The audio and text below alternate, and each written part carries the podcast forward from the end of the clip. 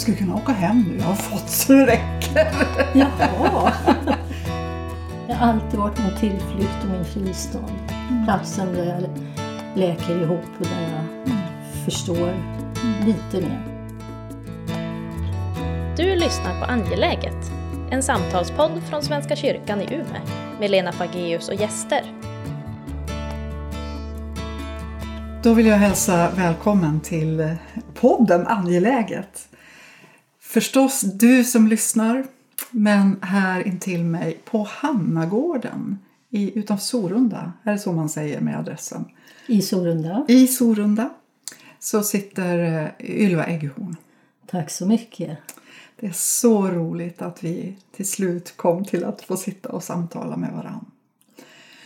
Jag Eh, brukar alltid börja med att tända ljuset. Ljuset som kan få vara en bild för Guds närvaro eller vår egen närvaro eller bara samtalets flöde.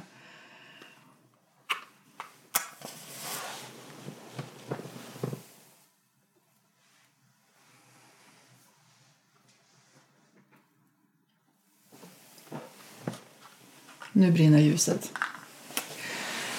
Ylva, jag, vi är många som har följt dig i många år.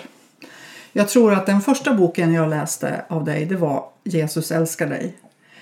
Eh, och sen så har jag fortsatt att läsa dig genom, genom åren. Jag kommer ihåg en gång när vi bjöd in dig till musikdagar i Gryt när vi gjorde en musikfestival i Sörmland. Och eh, det var introduktion. Det hade kommit folk från, från Stockholm och Täby och ja, men, Storstockholm kan man säga. Och eh, när du hade presenterat vad du, ja, men några tankar omkring vad du skulle säga i konserten under introduktionen.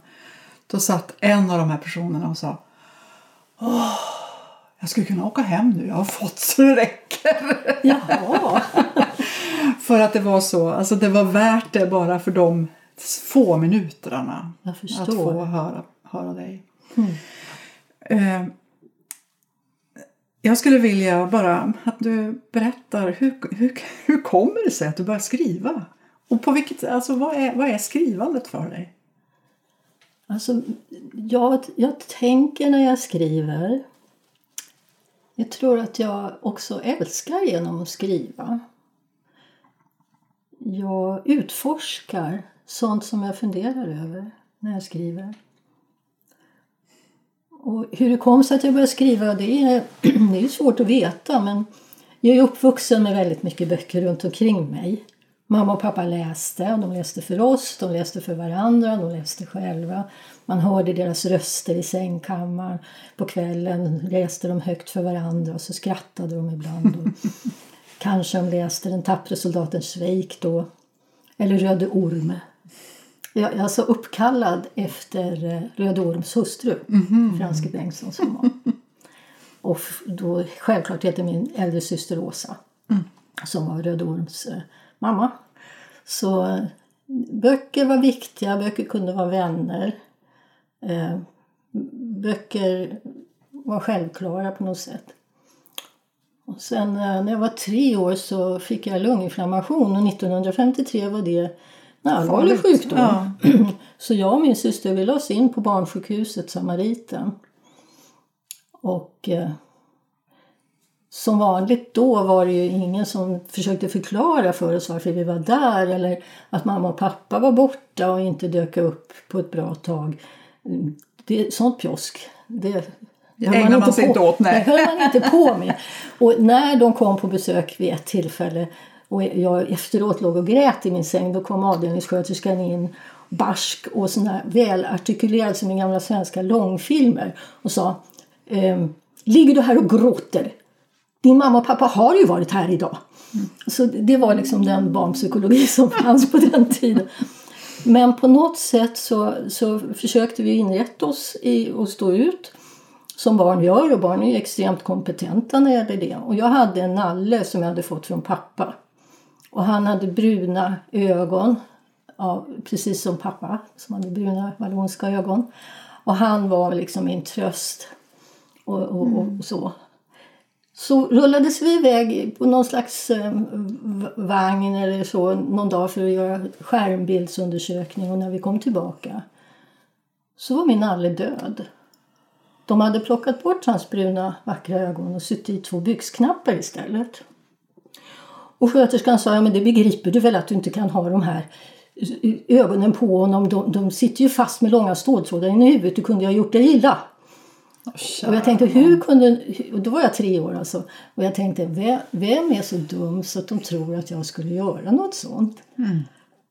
Men där tror jag att det fanns någonting i den förlusten som gjorde att jag ville ta revansch. Jag kunde alfabetets alla bokstäver. Jag kunde skriva dem och innan jag lämnade sjukhuset så skrev jag ner dem på en lapp och visade för sjuksköterskorna. Den där lappen hade jag med mig hem och den var min upprättelse på något sätt. Sen, sen dess har jag skrivit och jag tänker på såna här fina teorier om anknytning och Winnicott och, och så med övergångsobjekt att ja, när nallen inte kunde vara den här förbindelsen mellan hemma och borta så blev det alfabetet. Det är jättespännande. ja, men det är min hemsnickrade teori. Visst är den väl rätt bra? Jättebra! Nej, och att du, att du också hittade din egen kompetens på det ja, sättet. min styrka. Ja. Och de säger det att ett eh, författarskap består ofta av två komponenter. Dels en begåvning och dels någon form av fr- frustration. Något problem som måste lösas, något sår som behöver läkas. Så jag tror att på den vägen är det.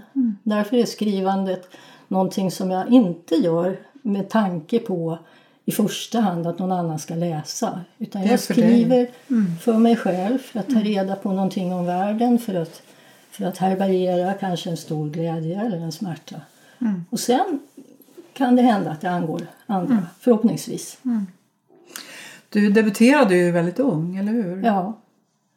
Jo, jag, jag hade ju, på denna punkt hade jag då en självkänsla Ja. som jag saknade för övrigt eftersom jag började skolan ett år tidigare än mina klasskamrater. Så jag kunde ju inte hävda mig när det gällde att springa och, och klättra och såna här saker. Slöjden var en katastrof. Och jag trodde ju allvarligt att jag var väldigt dålig på allt det här för det var aldrig någon som förklarade att men du är ett år yngre. Men, men eh, sk- skrivandet och läsandet det kom ju redan i fyraårsåldern. Så det hade jag. Det var min styrka. Nu har jag glömt vad du frågade. ja, men din tidiga debut. Att du ändå Ja, det. Jo, faktiskt det. inte bara skrev för, Jo, för byrålådan utan Nej, utan jag, när jag var 11 år så tog jag några av mina dikter i, och sen så tog jag bussen in till stan, till Slussen och sen gick jag upp på tidningen Vis redaktion som fanns alldeles vid Katarina-hissen där. Och jag nådde väl knappt upp till skrivbordet. Men de hade en ungdomssida i tidningen Vi. Eh, där olika tonåringar skickade in då. Bland annat Reidar Jönsson. Han med Mitt liv som hund. Han debuterade som 14-åring. Och jag var 11 och jag la upp den där högen med, med dikter på bordet och så sa jag här är några av mina dikter. Ni får trycka vilken ni vill. Ni får välja. Ja, alltså det var liksom inte frågan om, om de skulle vilja ha det. Det visste jag, Ja. tyckte jag. Ja, Och så där, blev det. Så blev det. Så där, där debuterade jag. Mm. Tidningen Vis ungdomssida. Och sen blev det ju så småningom eh, Hylands hörna Mm. och Bonniers förlag. Och, och eh, ja, jag kommer väl att skriva Hela till livet. mitt sista andetag, Ja. tror jag. Ja. Det har alltid varit min tillflykt och min fristad. Mm. Platsen där jag läker ihop och där jag Mm. förstår lite mer än när jag, innan jag skrev.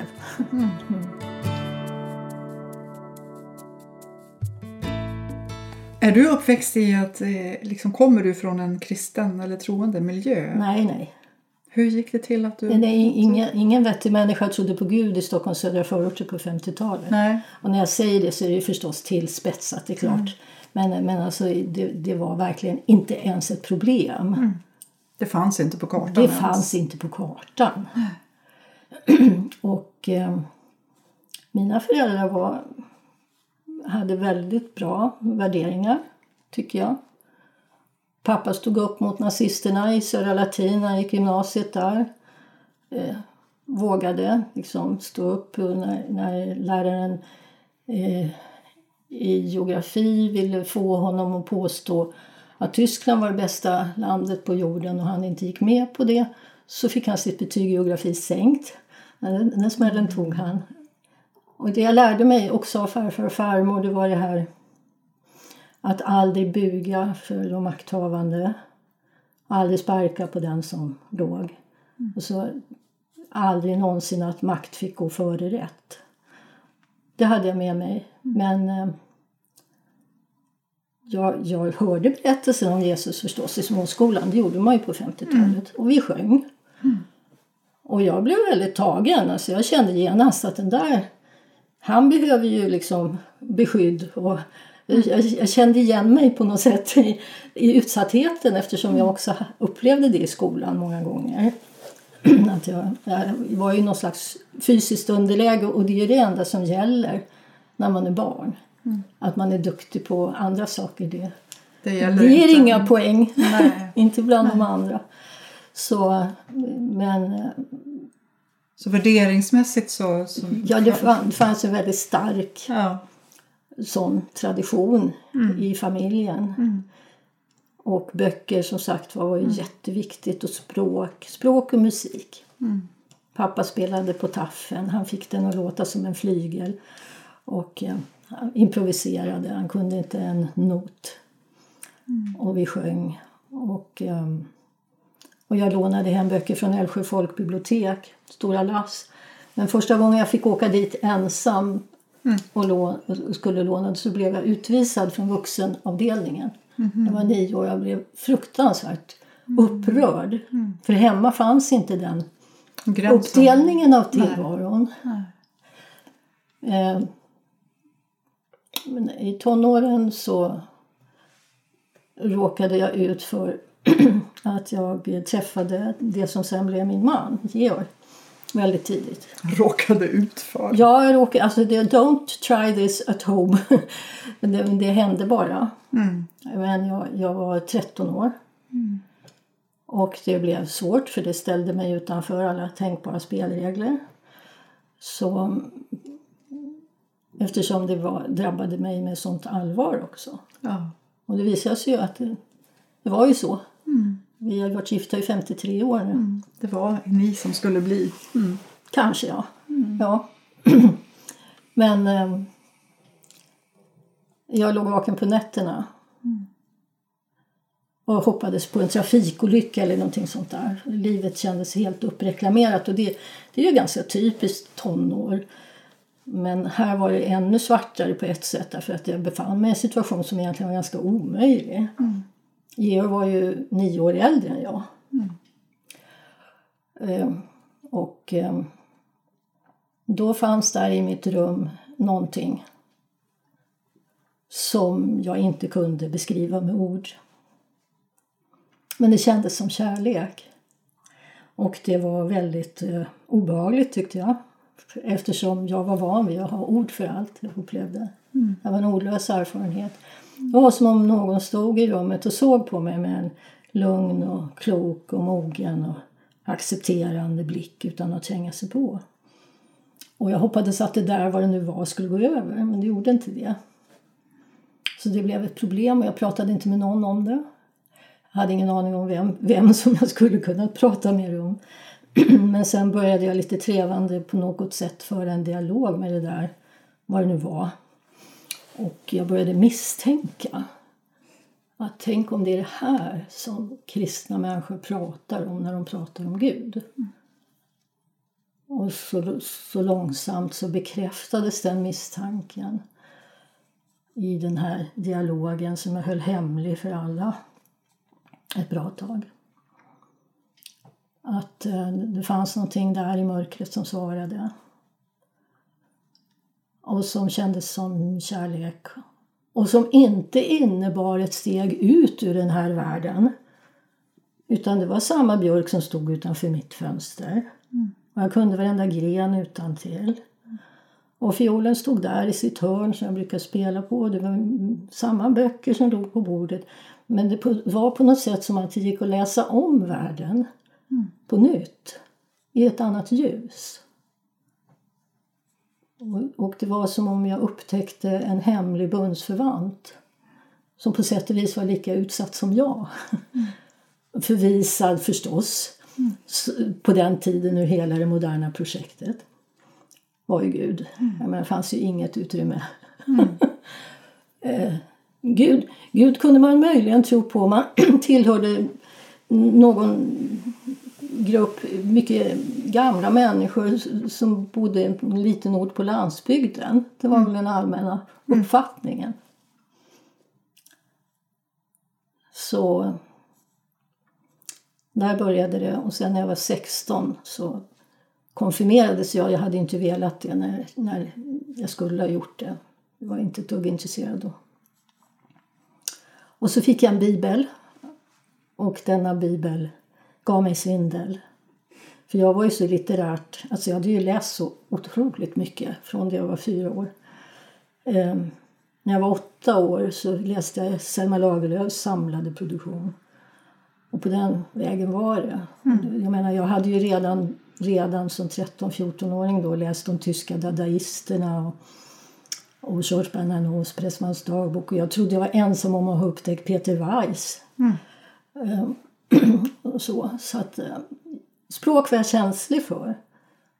Och eh, det här, det var ju som att liksom bestiga Sierra Nevada. Det var ju otroligt. Och jag läste egentligen mest eh, de poetiska böckerna i Gamla testamentet. Höga visan, Jobb. Jobb är ju perfekt när man är tonåring och har hela världen mot sig. Du grep mig i nacken liksom. På mina ögonlock är dödsskuggan lägrad. Jag har ingenting. Eh, Men Höga visan var ju också speciell för där stod det Styrk mig med druvkakor, ge mig äpplen för jag är sjuk av kärlek.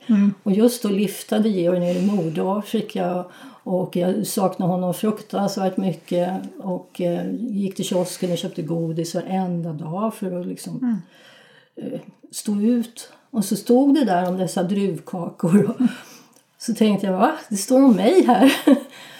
Ehm, så det blev både, både en språklig upplevelse och också en existentiell. Att i de här myllrande texterna så fanns det liksom en sån rikedom och så, så, sån så, ett För ditt liv så att, ja, så, så det var lika mångfacetterat som mitt liv. Ja. Det var någonting att mäta sig med. Jag menar, hade någon stuckit en, en traktat med fyra punkter eh, i min hand så hade jag ju kastat den. Men det här språket, profeterna, helt fantastiskt. Jesaja. Läste Karl XIIs översättning. Över dem som bor i mörkolande skin det klarliga. Alltså över dem som Ja. bor i dödsskuggans ska ske ett ljus skina. Otroligt. Och så småningom läste jag evangelierna också. Ja. Men det, det dröjde lite grann. Ja. Och då, då var jag liksom där att jag kunde säga till mig själv att jag, att jag identifierade mig som kristen. Och det var ensamt. 1965, 66 jag gick gymnasiet i Stockholm, musikgymnasiet. Jag tror inte det fanns någon mer. Nej. Gjorde det väl, men man pratade inte om det. Så det blev ju en del av det jag skrev om förstås. Självklart. Flätades in liksom de, de motiven. Men det som jag tänker, när jag tänker på de där första böckerna som jag läste av Ja. dig så var det ju också så mycket, alltså det var en sån sinnlig tro. Ja. Där fanns erotiken och där Jajamän. fanns kärleken och den var kropp och det var Ja. alltså ja. det fanns ingen, eh, jag menar jag hade eh, jag hade själv hittat tron i pingströrelsen och där Jaha. fanns inte det där. Nej, nej, där skulle man väl helst inte ha någon kropp. Men, men det var lite likadant i, om man tänker sig när man gick, som vi gick ibland och Georg och jag till att börja med, lite så här på prov. i högmässor i Svenska kyrkan. Det, Det var inte så sinnligt där heller. Nej. det var ju någonting där långt, långt fram i en lång särk. Väldigt könlöst, men med basröst. som rörde sig där framme. Liksom. Och så var det så outsägligt tråkigt. Det var det ju säkert inte i Pingstkyrkan. Men, men det fanns ju... Jag, jag tänker på också... Jag kommer skriva om det här. Alltså, Jag håller på med en roman om det. eh, Om just de här åren. Om, eh, när man skulle då gå fram och delta i det som kallades för HHN. Herrens heliga nattvard. Det var ju också så här litet bröd, smakade ingenting. Och eh, folk sa inte ett ljud, ingen tittade på de andra. Och de flesta satt ju kvar i bänkarna. Det var några få som gick fram och sjönk ihop där vid skranket. Och, så inte någon känsla av någonting som var levande eller verkligt. Och det är fantastiskt tycker jag att, att eh, den tron som jag hade fått att den liksom överlevde det här. Men varje gång jag var i en kyrka så var det alltid någonting. En rad bara. Ur en psalm. Eller någon, någonting i musiken som, som liksom kom och slog sig ner som en käril på min bröstkorg och var exakt vad jag behövde för att orka en dag till. Och det glömmer man lätt sen, tänker jag, när man blir så här hemvan i kyrkans värld. Att oh, vi måste förnya oss och vi måste hitta på nya uttryck och spännande grejer. Att om man är riktigt hungrig så hittar man någonting. Även där inte alls. Men ja, kroppen, ja men det var ju självklart på något sätt. Men jag hade ju inga förebilder. Jag har, jag har inte vuxit upp i en pietistisk miljö Nej. alls. Nej. Nej, men och sen börjar du läsa Höga Visan där. Ja, Ja, ja, då får du med dig det. ja precis. Så det har inte... Nej, men det är någon, Men alltså, det, de, de kristna som läste mina dikter då de tyckte det var märkligt och fascinerande och ibland kanske provocerande med den här sensualismen. Medan de andra kulturkritiker och sådär, de tyckte det värsta var ju att jag skrev Jesus här och där. Alltså det var ju som att ha en skamlig sjukdom. Det fick man inte säga på det. Det var så oerhört pinsamt. Ja. Det fanns ju ingen som gjorde det i min generation. Nej.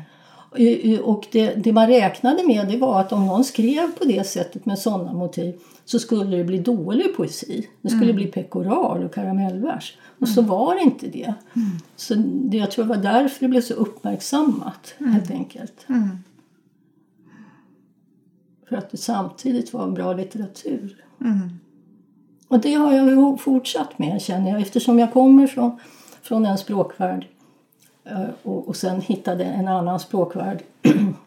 att jag arbetar med det ständigt i mitt författarskap. Att, att hitta ett sätt att, att skapa förbindelse mellan de här världarna. Ja, och alltså det känns ju också som att ja, men skrivandet är den där förbindelsen mellan det inre och det yttre. Ja, någonstans det andliga och det, det fysiska. Och, ja, Ja. Att det är de där förbindelserna som orden gör på något sätt. jag, jag vet ju att människor, alla människor gör ju stora, viktiga, omvälvande livserfarenheter. Men i och med att man känner sig främmande för det språk som man hör från kyrkan så får man också svårt att koppla det här till att det skulle kunna vara en andlig erfarenhet. Jag menar en som verkligen handlar om det stora hela. Och då, då vill jag gärna finnas med där. Mm, formulera det på något sätt. Ja, jag vet jag var nere i, en gång i ett danspalats i Tomelilla. Eh, som det var det enda som var tillräckligt stort för att man skulle kunna äta lunch. Det var kyrkliga lekmän som hade samlats där och bad att jag skulle komma och prata. Nu, var, nu kändes de inte så särskilt lekfulla direkt. De, Lekfolket. lekmännen var lite allvarsamma och satt på plaststolar i det här danspalatset som luktade lite så här um, fukt och mögel och hade, hade såna här glödlampor framme vid scenen som om det vore någon sån här porrklubb ungefär. Det var kons- rockkonsert och allt möjligt där som pågick. Men jag pratade och jag pratade och jag pratade Och så märkte jag att de som skulle duka upp till lunchen de, de rörde sig liksom långsammare och långsammare. Och de lyssnade. Ja. Och sen när det var färdigt så kom en av dem fram till mig och sa Tack, tack för det här. Ja, jag tror ju inte på Gud men, men du har ett sätt att prata Mm. som lägger ut en bro över erfarenhetsdjupen Mm. Så att man kan gå över dem tillsammans. Jag har aldrig fått en så fin Ja. beskrivning av vad jag verkligen skulle vilja göra med mitt författarskap. Ja. En bro över erfarenhetsdjup. Ja, så att man kan gå över dem tillsammans. Är Jättevackert. inte klokt. Nej. Och det är också härligt när jag talar, när jag är ute och håller föredrag. Om jag får människor att plötsligt förstå hur vackra de är. Mm. Vilka fantastiska liv de lever. Ehm, ingen, ingen har satt nyckeln i det låset, kanske.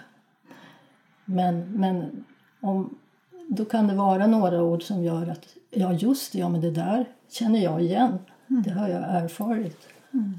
Och då, då, om, om jag kan hjälpa andra människor att upptäcka sin egen inre storhet, Det, då, då. då är, är det bra.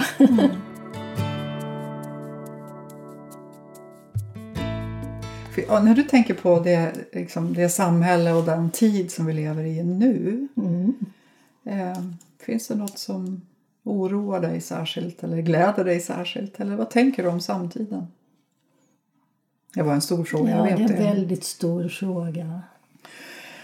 Jag tänker sociala medier och alltså det, det Ja, korta perspektiven och det Mm. liksom ständiga avbrytandet. Vi bar ut våra väskor och telefoner nu för att inte bli avbrutna. Brutna Mm. med en slags gemensam känsla av att nej, men, Ja. man behöver tystnaden. Eller, ja. Det, det känns ju som att, eh, apropå fjärilsmetaforen då, så är det ju som om hela vårt samhällsbygge så mödosamt liksom har formats under flera hundra år, kanske 500 år, vad vet jag. Jag räknar kanske från 1400-talet någonstans.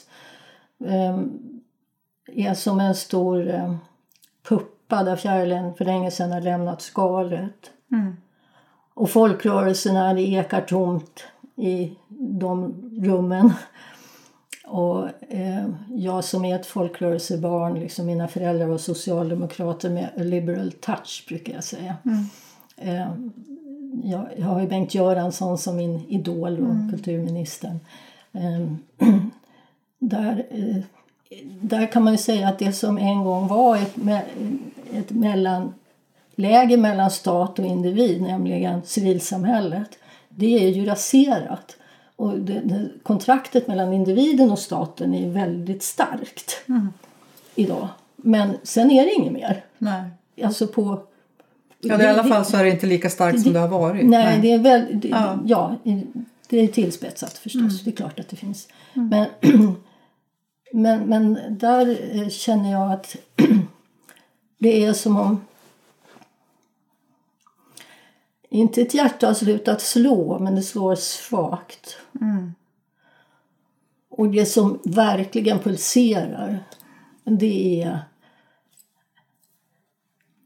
eh, girighet, maktbegär och gudlöshet.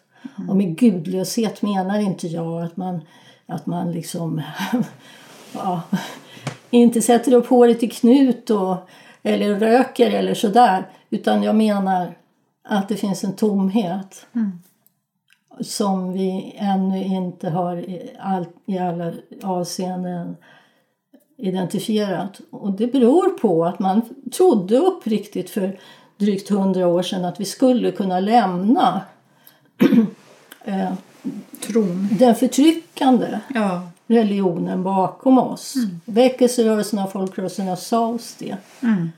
Eh, men, men sen gick det lite för snabbt och för bra. Och nu, nu måste vi våga kritisera också moderniteten, tycker jag. Så det, det vi har tappat brukar jag säga, det är Gud och skogen.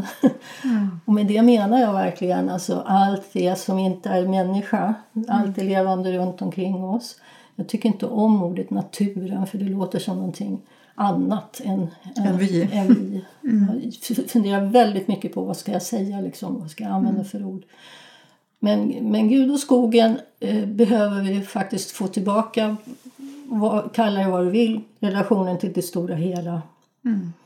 Eh, och till allt som lever och växer eftersom det är också vi. Jag tror att det finns en stark rörelse i det, i det idag. Men det gäller att hitta ett språk som, som Ja, kan, kan överbrygga. Eh, Alltså, det- alltihopa... Det är ju en civilisation vi lever i också som är väldigt gammal Ja. och som är trött på något sätt. Eh, och som behöver verkligen eh, nya tillflöden. Och där, där finns det några. Vad tänker du? Vad, är det som, vad, vad, vad betyder det? Vad är nya tillflöden?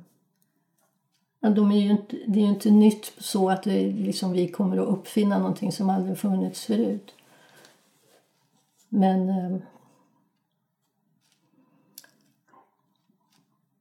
för några år sedan så blev jag sjuk, väldigt svårt sjuk. Det är en autoimmun sjukdom som drä- dränerar hela kroppen på all energi. Och om den inte blir behandlad så kan man bli blind eller få stroke, hjärtattack och dö på en gång. Och jag orkade ju absolut ingenting. Jag var, hade utbrändhetssymptom. Så jag orkade inte ens lyssna på musik. Typ Billie Holiday eller Bach. Inte ens den musik jag älskade.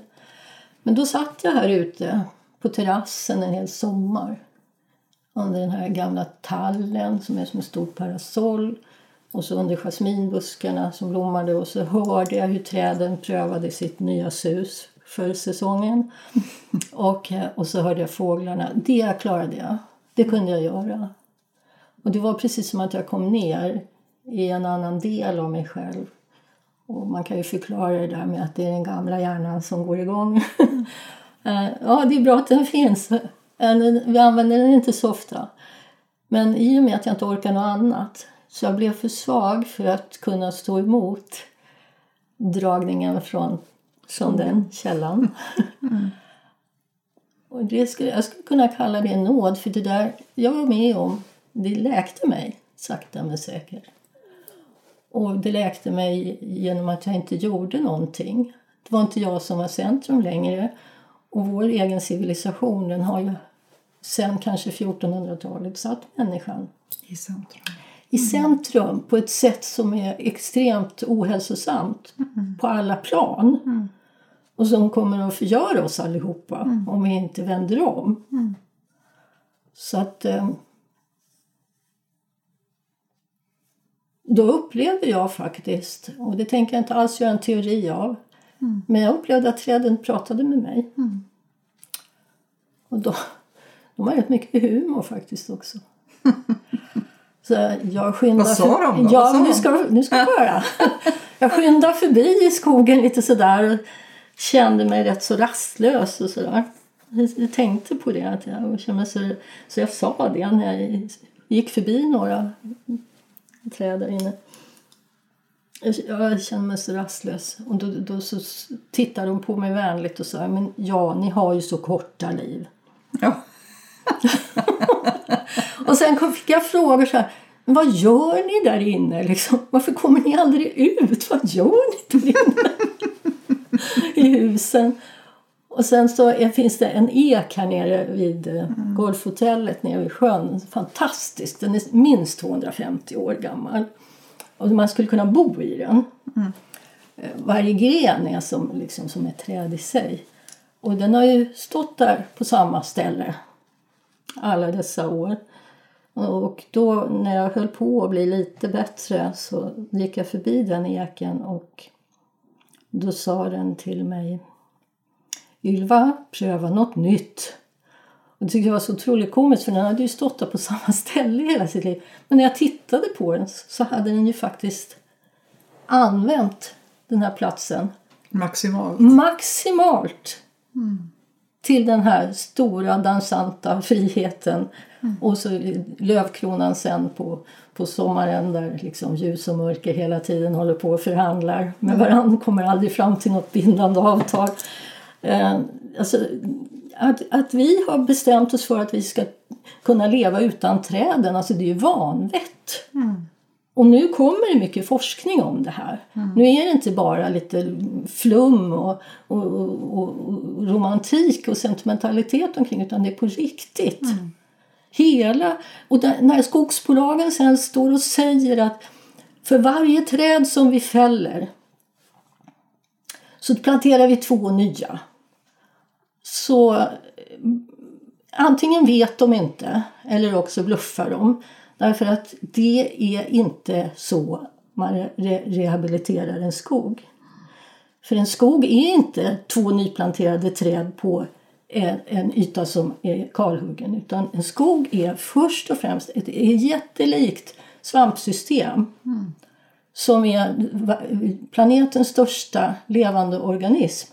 Som är det underjordiska internet som, som hela skogen lever av. Och som fördelar eh, näring alltså mellan, mellan träd som är svagare och träd som är starkare och som behöver ändå hjälp av, av de svagare träden. Ehm, detta med mikroorganismer, med mossa som växer så oerhört långsamt. Det, det åstadkommer man inte. Det, det kanske tar hundra år om du har kalhuggit. Och även om du placerar dit ytterligare ett antal träd utöver det som stod där förut. De här insikterna måste vi ha. Och jag tror inte att vi klarar av att bry oss om vi inte har några träd som vi älskar. Några träd som vi ser från våra fönster som, som, eh, där vi har lärt oss varje gren utan till. Jag, jag är säker på att det är vansinnigt viktigt. Så det skriver jag gärna om. Jag har också gjort en liten bok som heter ehm, Rötter och krona. Bra. Nej men alltså vi lever ju i en skrämmande tid på det sättet. Att Ja. man är beredd på att liksom bara, det är bara pengar och makt som, som styr. Ja. Alltså att det, vi Just det. förstör inte bara skogen, vi förstör vår egen framtid. Ja. Det är djupt oroande. Men, alltså om man, om man då kopplar ihop det med Bibelns berättelser om med Gud. Mm. Hur, vart är Gud i det där då? För alltså sk- om man skulle... Jag kan inte tro att vi kan överleva. För jag ser inga sådana rörelser. Det är bara det, är bara det andra. Det är bara ekonomin som styr. Nej, men det finns andra rörelser. Vad bra, Ja, men berätta. det, nej, men det gör det ju hela Ja, men det är klart tiden. att det gör. Men det, det är inte de som bestämmer om skogen. Nej, men, ja, men det, det håller ju på, sakta på att sippra in och det har ju ty, tydligen blivit lite så här reklammässigt lönsamt att säga att nu, nu så ska vi eh, Eh, inte längre kalhugga för att man gör det ändå. Men alltså det blir pinsamt eh, för att eh, fler och fler känner till det här. Och, och jag, jag tycker inte att hoppet är ute men jag tror också att det det är fel att kalkylera på det här sättet för då spelar man också på maktens villkor. Att kan vi lyckas, ska, ska vi ha någon framgång med den här eh, rörelsen eller inte? Eh, det, viktigaste tycker jag är att våga vara ett tecken på någonting annat. Och det är mycket nog.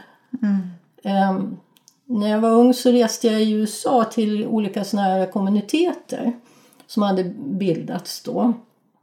Eh, där människor levde tillsammans. Och, till exempel en, en, en i Chicago, i Evanston, i en svart förort så, där man flyttade in då ganska många som var vita för att vara med och mixa det här området och, så. Och och då, de sa det att de hade fått frågor, vad tror ni att ni kommer att kunna åstadkomma genom det här? Att ni bor i tio stycken större villor och, och hjälps åt med massa saker. Och, eh, kom- kommer ni ha någon framgång med det här? Och då sa de, men det är just det som är ointressant därför att vi tänker så här att eh, vi vill vara ett tecken och på, på det som, som är karaktäristiskt för Guds rike. Och, och där, det här, där, där vi lever på det här sättet, där blir vi ett tecken. Vi har ingen aning om vad vi får för konsekvenser. Men, men Ja. vi behöver inte bekymra oss om det. För det som är viktigt är liksom det här att, att fortsätta med eh, att vara detta tecken på att det ändå finns någonting annat. Och jag ser de tecknen. Eh, Bland annat finns det ju en rörelse nu inom, inom den ekologiska rörelsen där man arbetar väldigt mycket med att återerövra. Eller återförvilda som man säger naturen. Och den läker väldigt snabbt om man sätter igång och, och gör det som, som behövs. Det är inte så att det tar eh, jättelång tid. Vissa biotoper, vissa miljöer eh, förändras väldigt snabbt om man ger dem eh, förutsättningarna. Nej, men jag är inte, egentligen så är jag inte så hopp, eh, hopplös som jag, som jag lät Nej, men jag tycker påskina. också så här- Men, det finns, men, men, alltså, men jag tänker också att Jo, men jag blir uppgiven ibland. Det blir jag när jag, när jag hör liksom hur våra ja, men, folkvalda beslutar om eh, och hur de fattar beslut.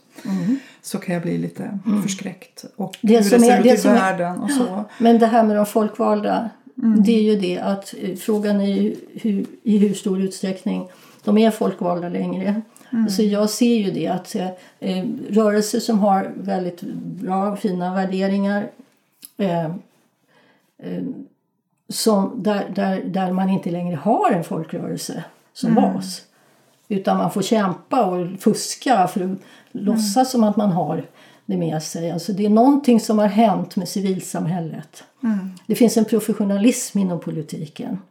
Och det, det liknar det där som Jesus talar om när han säger lejda herdar, tycker jag. Alltså inhyrda, inhyrda arbetskraft.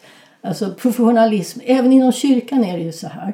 Det, det, det finns inte... Kommer inte nerifrån Det sätt. kommer inte nerifrån.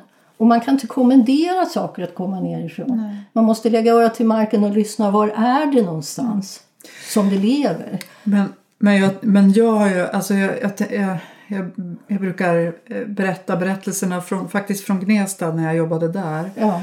Och hur, eh, ja men, hur, hur det där, den där längtan som, som väldigt många ha, har. Ja. Att några börjar, ja men en, en berättelse som jag älskade var en kvinna som, som började promenera på kyrkogården klockan 11 på söndagar. Ja. ja. Och till slut så vågade hon sig in i några sammanhang. Och, till, Ja. och så, så småningom så blev hon verkligen en del av församlingen. Jag förstår. Men jag tänker att alltså, bara den berättelsen säger någonting om att det finns, och jag tror att det finns hos väldigt, väldigt många, Ja. en, en sån där eh, liksom, gigantisk eh, längtan efter, Ja, efter något mer. El- Eller efter mycelet i marken. Eller, Ja. eller efter, Ja. alltså, efter det andliga och det som skapar helhet och Alltså helighet. det stora problemet egentligen inte är att människor inte har förstått vad det är vi försöker säga i kyrkan och så. Det kan vara att de har förstått det alldeles för bra och att det är så underbart så att det gör ont. Ja. Därför att vi alla, det säger Theodor Kalfatides, vi alla säger att vi har längtat hela vårt liv efter kärleken. Men vi har använt hela vårt liv till att försöka fly undan den. För så knepiga är vi. Va? Att när, när, när jag äntligen står där och har inom räckhåll det jag har längtat efter hela mitt liv. Då är det så underbart så det gör ont. Därför att vi är skolade i att vi ska egentligen inte kunna få någonting om vi inte betalar först. Och vi är rädda här- för att det ska göra ont. Ja, och att det är fruktansvärt att falla i, i denna kärlekshänder som inte vill mig någonting. Och jag, jag känner igen det från mina nätter i tonåren. Ja. Alltså det var väldigt eh, svårt att ta emot det här. Som bara uppenbarade sig och som inte krävde någonting. Inte ens att jag skulle kunna beskriva vad det var. Så eh, det tror jag vi har. Vi tror att om vi bara är pedagogiska och tydliga inte glömmer bort att säga någonting i gudstjänsterna och sådär, så att det blir komplett. så, så, så, liksom, så kommer människor. Nej, det är när vi och, och, och tillsammans eh, öppnar oss för eh, den sårbarhet som vi alla Mm. bär på. Och att vi faktiskt är en massa saker som vi inte vet. Mm. Då kan det hända någonting. Jag är väldigt fascinerad av det just nu. Allt det som Jesus säger om att han inte vet. Mm. När, när folk frågar honom om vad som ska hända de yttersta tiderna. Men inte undra på att vi skulle vilja ha kontroll. Mm. Vem skulle inte vilja ha ett grepp om den yttersta tiden? Mm. Och liksom, som man gjorde på 1800-talet gjorde man planscher av hur Mm. det skulle gå liksom, med olika skeden och tusenårsrike. Jag kan inte det där. Jag- är inte intresserad egentligen av det sättet att tänka. Men jag, jag förstår själva längtan efter att, att liksom ha koll. Eh, Och det som händer med oss nu, särskilt eh, kan man säga de senaste 10-15 åren, det är att vi börjar inse att vi har inte koll.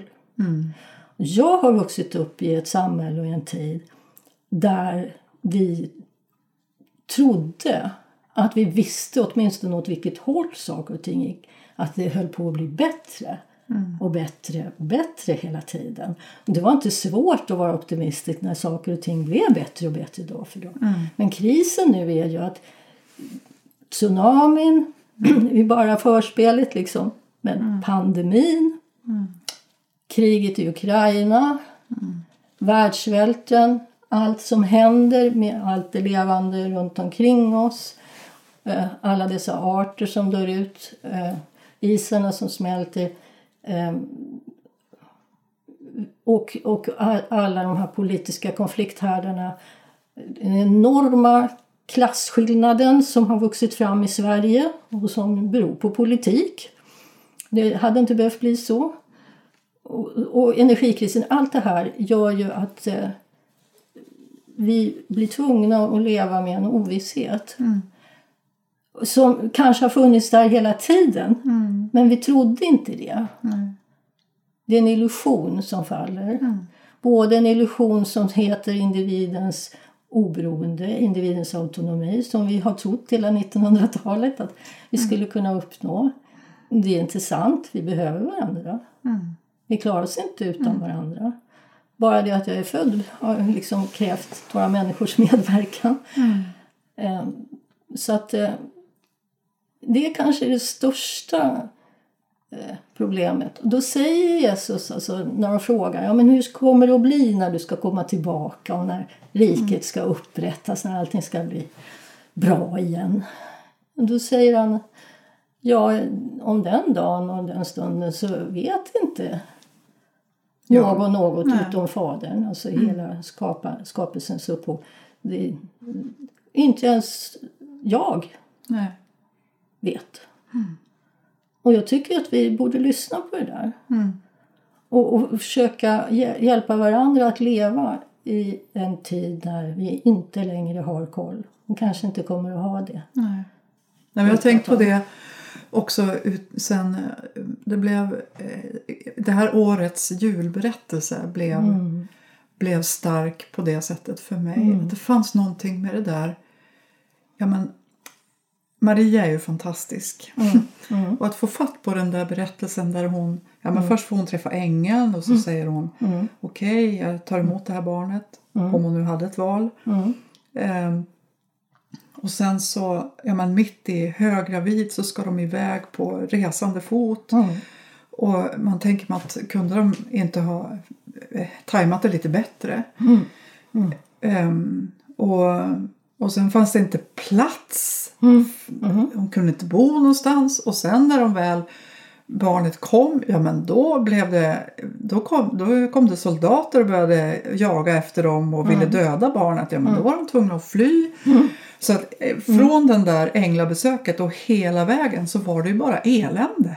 Just det. Och det, och det blev som nytt. Alltså jag har Mm. Ja, läst det där hela mitt precis. liv. Men, Därför men att vi sitter här med facit. Ja, men det slutade ju bra. Ja. Ja, det var ju lite så här bumps in the road då. Korsfästelse och sånt där. Men trots allt så happy ending. Också. Men så är det ju inte för någon av oss och inte för dem heller. De visste inte Nej. hur det skulle gå.